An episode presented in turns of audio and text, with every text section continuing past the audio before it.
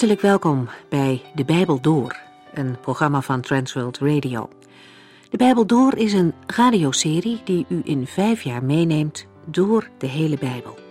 Van Genesis 1 tot Openbaring 22.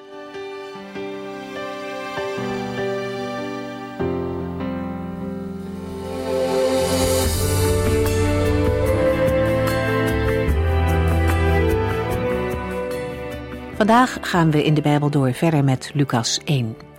Deze gedeelten zijn door de eeuwen heen een rijke inspiratiebron rondom de kerst. Maar eigenlijk hebben ze ons elke dag genoeg te zeggen.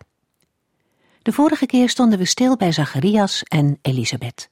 Een ouder echtpaar dat leefde in een tijd waarin het leek alsof God zweeg.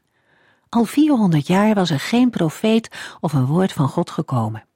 En de geestelijke toestand van het volk van God was niet geweldig. Het was een donkere periode. En toch leefde dit echtpaar dicht bij de Here. De omstandigheden in hun land trekken hen niet bij God vandaan. Ze leven rechtvaardig en houden zich aan de geboden van de Here. Hun godsdienst is niet een uiterlijke, het zit niet aan de buitenkant. Het houdt niet op bij het bezoeken van de dienst op Sabbat. Hun hele leven is doortrokken van de toewijding aan de Here. Dat Zacharias en Elisabeth geen kinderen hadden, was een groot verdriet in hun leven. Zeker wanneer we bedenken dat kinderen gezien werden als een zegen van de Heer. Maar dat grote en moeilijke verdriet dreef hen niet weg van God. Hem blijven dienen was een levensstijl voor dit echtpaar. En dat bleef niet onopgemerkt. De Heere heeft de trouw van Zacharias en Elisabeth gezien. Zij waren de geschikte ouders om een zoon op te voeden die de weg voor de Messias zou voorbereiden. En het wonderlijke gebeurde. Ondanks hun hoge leeftijd en de onvruchtbaarheid kregen zij nog een zoon, Johannes. Deze in onze ogen onmogelijke zwangerschap maakt duidelijk dat de Heere God een plan heeft en dat ook zal volbrengen. De naam Johannes betekent God is genadig. Het is een naam die de Heere zelf heeft gekozen. En het zegt alles over hoe hij omziet naar de mensen. We gaan verder met Lucas 1, vers 36.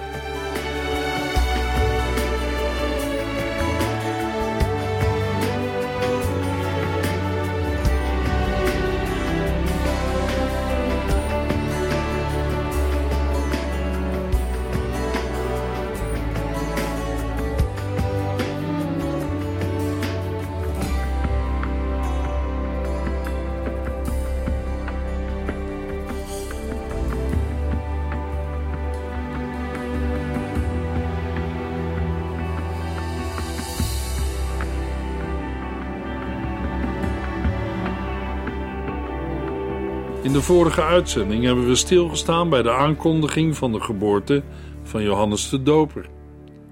Toen Elisabeth zes maanden zwanger was, kwam de engel Gabriel bij Maria en zei: Ik wens u vrede toe. U bent een gelukkige vrouw. De Heere zijn met u.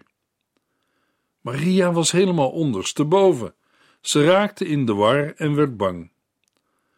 Toen Gabriel haar uitlegde wat hij kwam doen en haar de boodschap van de Heere vertelde: U zult zwanger worden en een zoon krijgen, die u de naam Jezus moet geven, kwamen er nog meer vragen. Maar hoe kan ik een kind krijgen? Ik ben nog maagd. Gabriel gaf haar antwoord: De Heilige Geest zal over u komen. U zult zwanger worden door de kracht van God. Daarom zal uw kind heilig zijn en de Zoon van God worden genoemd.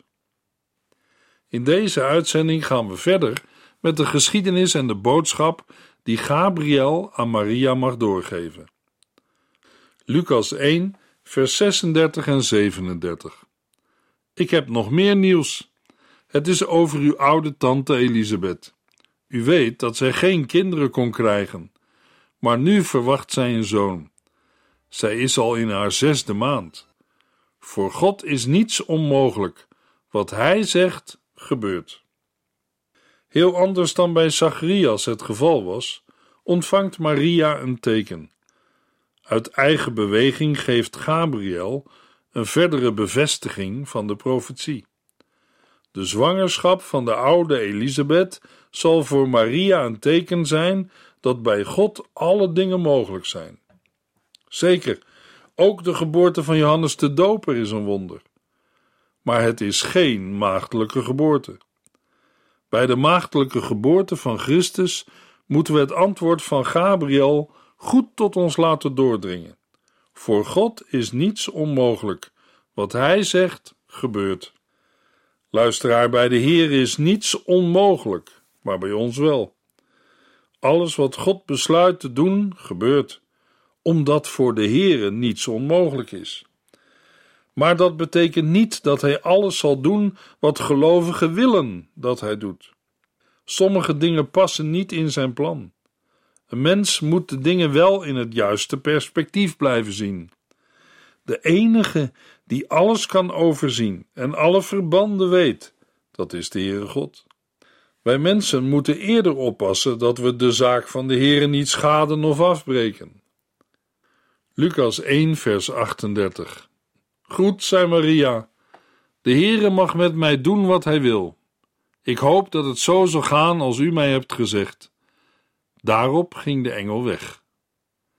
Met de woorden: De Heere mag met mij doen wat hij wil, uit Maria haar beschikbaarheid en onderwerpt zij zich aan de wil van God.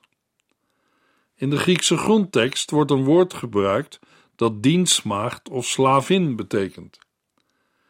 In een gesprek met een meerdere wordt de term gebruikt om de eigen nederigheid en gehoorzaamheid aan te geven, bijvoorbeeld wanneer gelovigen zich tot de Here richten. Maria spreekt haar verlangen uit om de Here te dienen. Haar angst en schrik heeft plaats gemaakt voor overgave en vertrouwen. De Heer heeft tot haar gesproken en Maria heeft nu, in vers 38, bewust een besluit genomen. In nederigheid wil zij God gehoorzamen, ook al begrijpt ze niet alles. Lucas 1, vers 39 tot en met 41. Kort daarop reisde Maria zo vlug zij kon naar het bergland van Judea om Elisabeth te bezoeken. Ze ging het huis van Zacharias binnen en groette Elisabeth. Toen Elisabeth de groet van Maria hoorde, begon het kindje in haar buik te trappelen. En Elisabeth zelf werd vol van de Heilige Geest. Voor de vertaling zo vlug zij kon, staat in het Grieks een uitdrukking die gebruikt wordt als er voorbereidingen getroffen worden om op reis te gaan. De tijdsaanduiding voor het vertrek kort daarop is vaag, maar uit vers 56 blijkt dat zij vrijwel onmiddellijk vertrokken is. Maria bleef tot na de bevalling van Elisabeth bij haar. Dat wil zeggen ongeveer drie maanden. Het snelle vertrek van Maria is goed te begrijpen. Ze moet het verlangen hebben gehad om met eigen ogen zich te overtuigen van de zwangerschap van Elisabeth en ook haar verhaal te horen. Daarnaast had ze zelf ook groot nieuws te vertellen. Daarbij moeten we de woorden van Gabriel niet vergeten. Hij had gezegd: Ik heb nog meer nieuws. Het is over uw oude tante Elisabeth. U weet dat ze geen kinderen kon krijgen, maar nu verwacht zij een zoon. Het zien van de zwangere Elisabeth was voor Maria een bevestiging en een teken van haar eigen zwangerschap. Ze reisde naar het bergland, naar een stad van Judea. Hoewel Galilea, waar Nazareth lag, zelf ook voor een groot deel uit bergland bestaat, was het bergland traditioneel toch de aanduiding voor Judea. De streek die voor de Babylonische ballingschap door de stam van Juda bewoond werd. In het Oude Testament en ook door de Joodse geschiedschrijver Flavius Josephus wordt er het bergland van Judea mee bedoeld. In die streek lag de stad waarheen Maria reisde. Vanuit Jeruzalem gezien is dat het gebied tussen de kust en het Jordaandal. Vanuit Nazareth was het door Samaria een reis van een dag of drie, vier.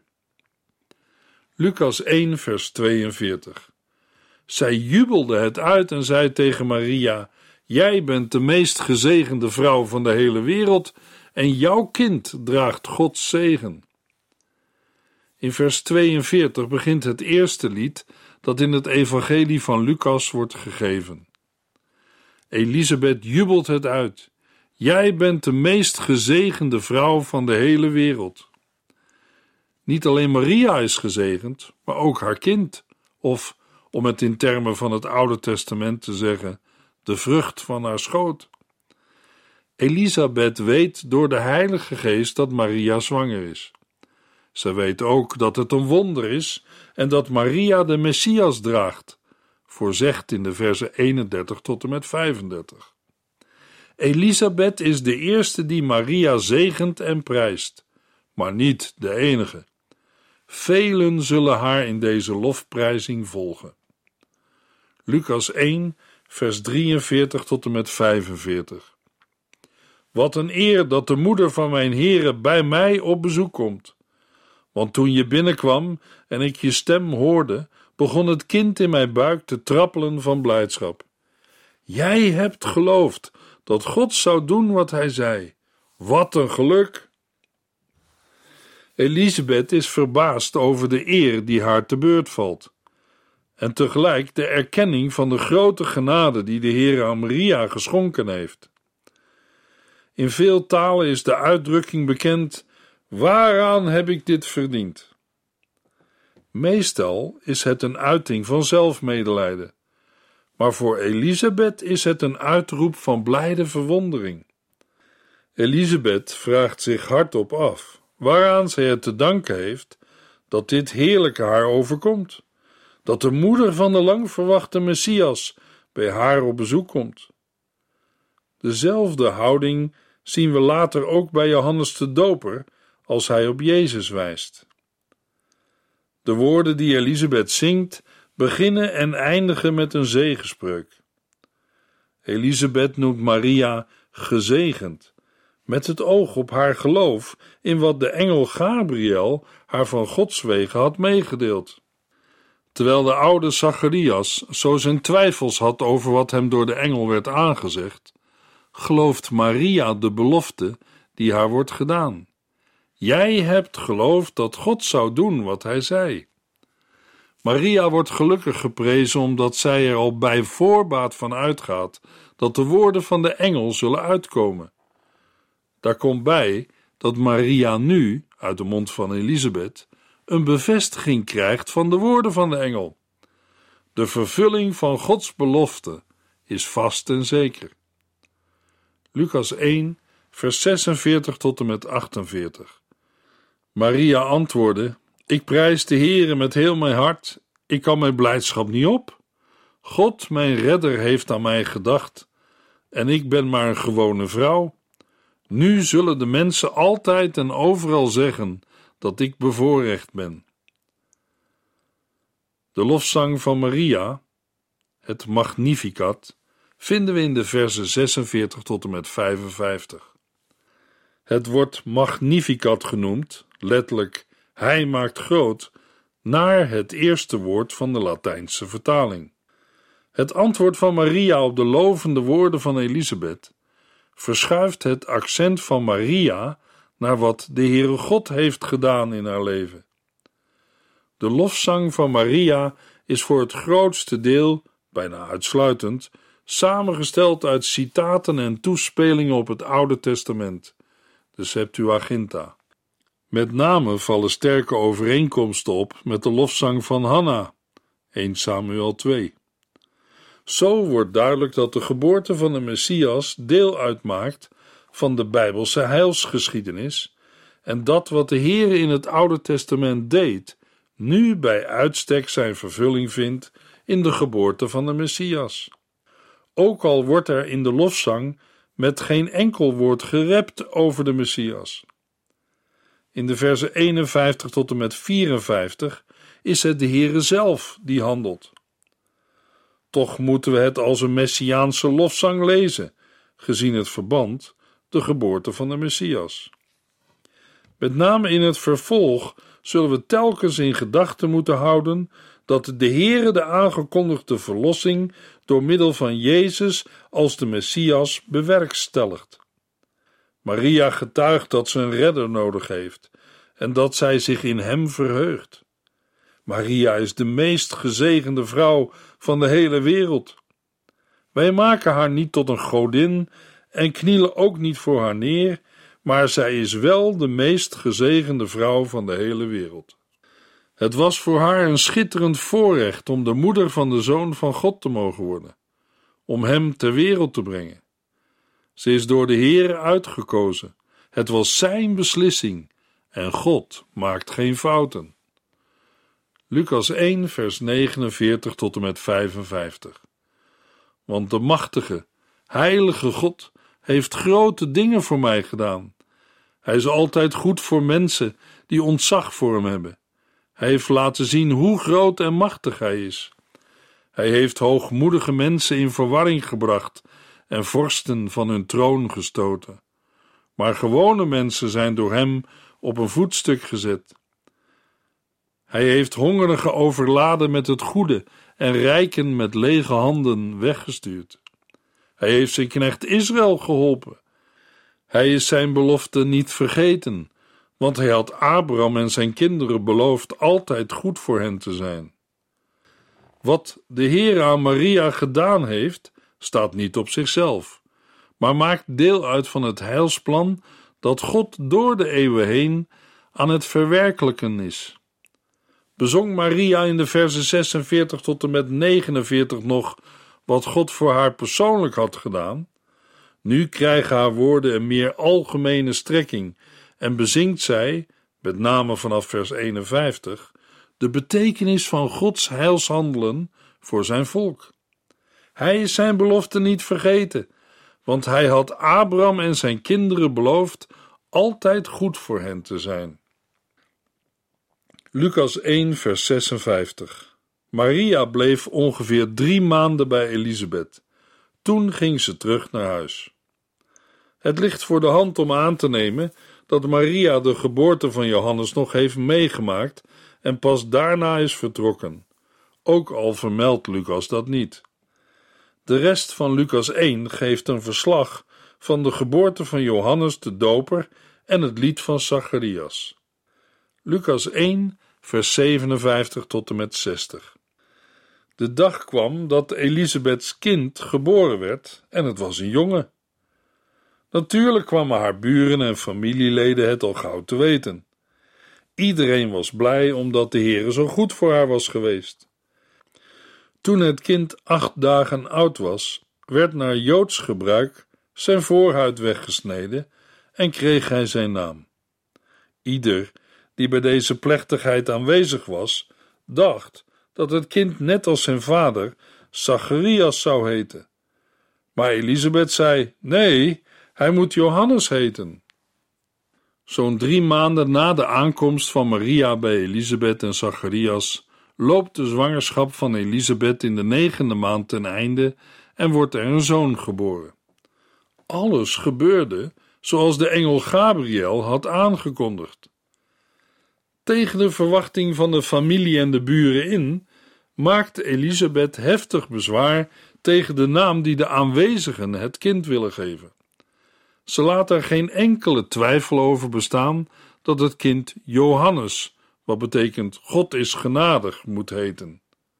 Dat had de engel tegen Zacharias gezegd. Lucas 1, vers 61 tot en met 64. Johannes, er is toch niemand in de hele familie die zo heet, zei men. Ze vroegen de vader wat hij ervan vond.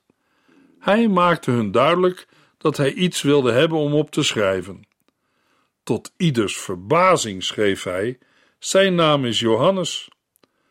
Op hetzelfde moment kon hij weer spreken en begon hij God te prijzen. Het ongewoon felle protest van Elisabeth wekt verbazing. Waarom zou ze haar zoon een naam geven die in de hele familie niet voorkomt? We zien hierin dat het kennelijk gebruikelijk was om een pasgeboren kind te vernoemen naar een familielid. Na de reactie van Elisabeth wordt Zacharias gevraagd. Uit de woorden: Hij maakte hun duidelijk dat hij iets wilde hebben om op te schrijven, kan op grond van de Griekse grondtekst ook worden afgeleid dat Zacharias niet alleen niet kon spreken, maar ook doof was. Op verzoek van Zacharias wordt hem een schrijfplankje gegeven, zodat hij kan opschrijven welke naam hij voor het kind in gedachten heeft. Een schrijfplankje was een met was bestreken houten plankje waarop met een stift kon worden geschreven. Zacharias bevestigt wat Elisabeth had gezegd. Zijn naam is Johannes.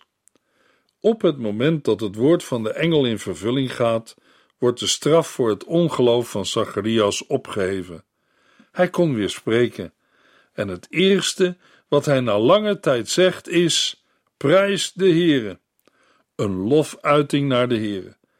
Zijn aanvankelijke ongeloof heeft plaats gemaakt voor lofprijzing. Luisteraar, het gebrek aan geloof dat Zacharias vertoonde, is iets dat ons mensen niet vreemd voorkomt. Juist op die zwakke momenten van ongeloof zijn we niet geneigd om de Heere onder alle omstandigheden te danken en te prijzen. De apostel Paulus schrijft aan de Corinthiërs: Drie keer heb ik de Heere gesmeekt dit lijden te laten ophouden. Maar de Heere antwoordde telkens weer: Mijn genade is genoeg voor u. Want kracht ontplooit zich ten volle in zwakheid. Daarom durf ik mij toch op mijn zwakheden te beroemen, omdat dan de kracht van Christus in mij gezien kan worden. Daarom kan ik zelfs blij zijn over zwakheden, beledigingen, noodsituaties, vervolgingen en moeilijkheden die ik ter wille van Christus moet verdragen. Want als ik zwak ben, ben ik pas sterk. 2 Korintiërs 12. Lucas 1, vers 65 tot en met 69. Dit maakte diepe indruk op de mensen. Overal in het bergland van Judea werd er over gesproken. Ieder die het nieuws hoorde, nam het ter harte en zei: Wat zal er van dat kind worden? Want het was duidelijk dat de Heer iets bijzonders met hem voorhad. Zacharias werd vol van de Heilige Geest, die hem liet zeggen: Prijs de Heere, de God van Israël. Hij heeft zijn volk bezocht en gered. Hij heeft ons een machtige redder gestuurd uit het geslacht van zijn dienaar David. De versen 65 en 66 onderbreken de gang van het verhaal door vooruit te lopen op wat komen gaat, namelijk het effect van de gebeurtenissen op de bevolking van Judea in het algemeen. De wonderlijke gebeurtenissen gaan als een lopend vuurtje door de hele omgeving en boezemen de bevolking ontzag in. Het was duidelijk dat de Heer iets bijzonders met hem voorhad. Wonderlijke omstandigheden bij iemands geboorte werden in de oudheid algemeen uitgelegd als een teken dat zo iemand in zijn latere leven een bijzondere rol zou gaan vervullen. In geval van Johannes betekent dat: welke bijzondere taak moet de Heer wel niet voor Johannes op het oog hebben? Na de onderbreking van de versen 65 en 66 gaat Lucas verder met de lofzang van Zacharias, vers 68 tot en met 79. Deze lofzang wordt ook wel het Benedictus genoemd. Benedictus betekent gezegend, naar het eerste woord van de Latijnse vertaling. En in het oog springend gegeven van de lofzang van Zacharias is dat het grotendeels over de Messias gaat. Vanuit het verband zou je als lezer verwachten dat het over Johannes zou gaan. Alleen de versen 76 en 77 hebben direct betrekking op Johannes. Daarmee wordt al vanaf het begin duidelijk dat Johannes een ondergeschikte plaats inneemt ten opzichte van de Heer Jezus. Net als Elisabeth werd ook Zacharias vervuld met de Heilige Geest, waardoor hij in staat was om te profeteren. Ook Zacharias lofzang bezingt wat nog te gebeuren staat. De aanhef is ontleend aan een veelgebruikte uitdrukking in de psalmen. Prijs de Heere, de God van Israël, gevolgd door het noemen van de reden. Hij heeft zijn volk bezocht en gered. Hij heeft onze machtige redder gestuurd uit het geslacht van zijn dienaar David. Zijn verlossing wordt gerealiseerd in de komst van de Messias. Lucas 1, vers 70 tot en met 75. Zoals hij lang geleden door zijn heilige profeten had beloofd. Hij heeft ons iemand gestuurd die ons zal redden uit de handen van onze vijanden, van allen die ons haten. Hij is goed voor onze voorouders geweest. Hij heeft zijn plechtige belofte aan Abraham niet vergeten. Hij heeft ons het voorrecht gegeven hem te dienen, zonder angst, bevrijd uit de handen van onze vijanden. Wij mogen bij hem horen en doen wat hij zegt, heel ons leven lang. Het perspectief van de lofzang van Zacharias is nog beperkt tot Israël. Pas in de lofzang van Simeon, Lucas 2, komt ook het heil voor de niet-Joden binnen het gezichtsveld. De belofte van de Messias is verbonden aan het huis van David. En Johannes is degene die de komst van de Messias mag aankondigen. Lucas 1, vers 76 tot en met 79. En jij, kind, jij zult een profeet van de Allerhoogste God worden genoemd. Je zult voor de redder uitgaan om zijn volk voor te bereiden op zijn komst. Jij zult hun vertellen dat ze gered kunnen worden door de vergeving van hun zonde. Want het hart van onze God loopt over van liefde en goedheid. Een hemels licht zal op ons schijnen, zodat de mensen die in het donker en de schaduw van de dood zitten, weer kunnen zien. En wij op de weg van de vrede worden gebracht. De aanwezigheid van de heraut, de voorloper, laat zien dat de Messias niet ver weg meer is. Hij komt eraan. Lucas 1, vers 80. De jonge Johannes groeide op en werd sterk gemaakt door de Heilige Geest. Hij hield zich op in dorre streken en bleef daar tot de dag dat hij in het openbaar in Israël optrad. Lucas sluit de geboortegeschiedenis van Johannes af met een bericht over zijn groei naar volwassenheid en overbrugt zo een periode van zo'n 30 jaar tot aan zijn eerste openbare optreden als profeet en voorloper van de Messias. In de volgende uitzending lezen en bespreken we Lucas 2, vers 1 tot en met 30.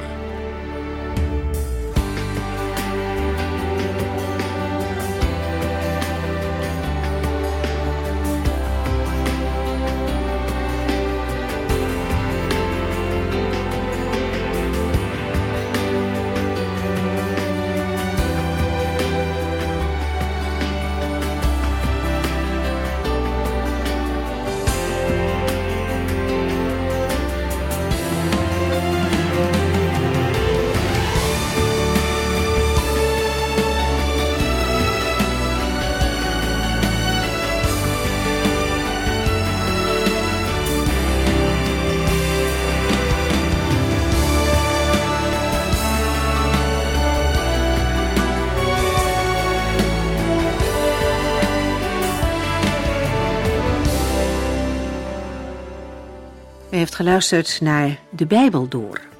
In het Nederlands vertaald en bewerkt door Transworld Radio. Een programma waarin we in vijf jaar tijd de hele Bijbel doorgaan. Als u wilt reageren op deze uitzending of u heeft vragen, dan kunt u contact met ons opnemen. Tijdens kantooruren kunt u bellen op 0342 47 8432. 0342 47 8432. 32. Ook kunt u een e-mail sturen naar de Bijbel door transworldradio.nl en natuurlijk kunt u ook via de post ons bereiken. TWR, postbus 371, postcode 3770, AJ in Barneveld. Dit programma werd gepresenteerd door Cor Weda en Ike André. Techniek was in handen van Odin van Woerdekom. En wij allemaal bedanken u voor het luisteren. Graag tot de volgende keer.